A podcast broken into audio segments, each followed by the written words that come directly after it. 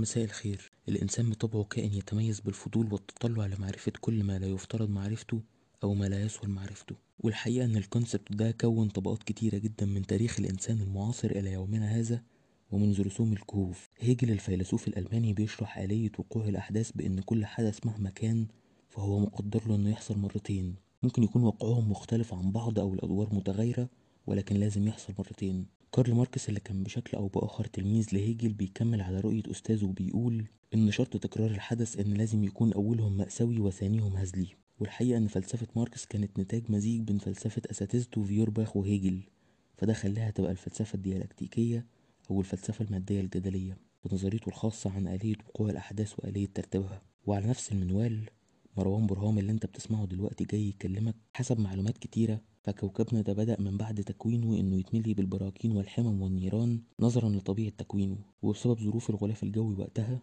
بدأت موجة ضخمة من هطول الأمطار الحمضية اللي أدت إلى إطفاء الحمم وتكوين حفر عميقة. مع استمرار هطول الأمطار تحولت إلى بحار ومحيطات ومع الاستمرار في التغير الشديد للظروف المناخية مر كوكبنا بأشد الفترات برودة وقسوة ألا وهي العصر الجليدي واللي تبعاته أثرت على الكوكب بشكل كبير. وحاليا إحنا في بداية أسوأ مراحل الاحتباس الحراري اللي ملوش حل حتى الآن بداية من البراكين ومرورا بالذروة في العصر الجليدي وحاليا الاحتباس الحراري.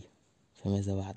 كوكبنا بدأ خاوي بدون أي وجه للحياة عليه ثم بدأت الكائنات الضخمة والضارية والمتنوعة في الظهور باختلاف الطريقة طبعا على حسب عقيدتك الشخصية. ومرورا بتكيف وتأقلم الكائنات على البيئة المحيطة ثم حاليا أشد مراحل الانقراض مع عدم وجود بديل قادر على التكيف. بداية بالخلو ثم الكائنات الضخمة ثم الأليفة. ودلوقتي الانقراض فماذا بعد؟ الإنسان وبالرغم برضه من إنه أحد أكبر المعادين وأحد أكبر العوائق لفلسفتي الشخصية نظرا لغبائه طبعا ومعارضته للانتخاب الطبيعي إلا إنه برضه خاضع للسايكل دي بشكل أو بآخر. الكائن ده بدأ حياته البدائية مفعم بالغباء والجهل ولا معنى لأي شيء ثم بدأ يتطور من ذكائه واحدة واحدة عشان يواكب ظروف حياته ويقدر يتكيف مع البيئة. إلى الحد إنه كان يقدر يتوقع أماكن النجوم بحسابات بسيطة. ثم حاليا بيعتمد اعتماد كامل على الآلات اللي اخترعها وراكن التفكير تماما بداية بالغباء المطلق ثم أعلى مراحل الذكاء وحاليا اعتمادي بشكل كامل. فماذا بعد؟ ما بعد العصر الجليدي والاحتباس هو حمم وبراكين تاني بس بعد ما الأرض اتأثرت بعواقب الجليد. ما بعد الضواري والانقراض هو رجوع الأرض خاوية تاني.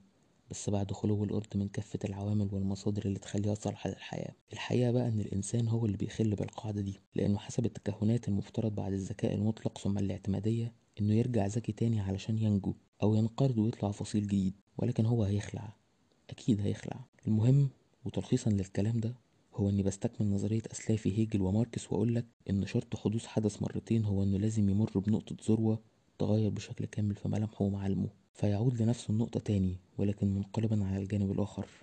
بعد تغير في المضمون وثبات في العموم فيخوض التجربة مرة تانية ولكن بشكل مختلف.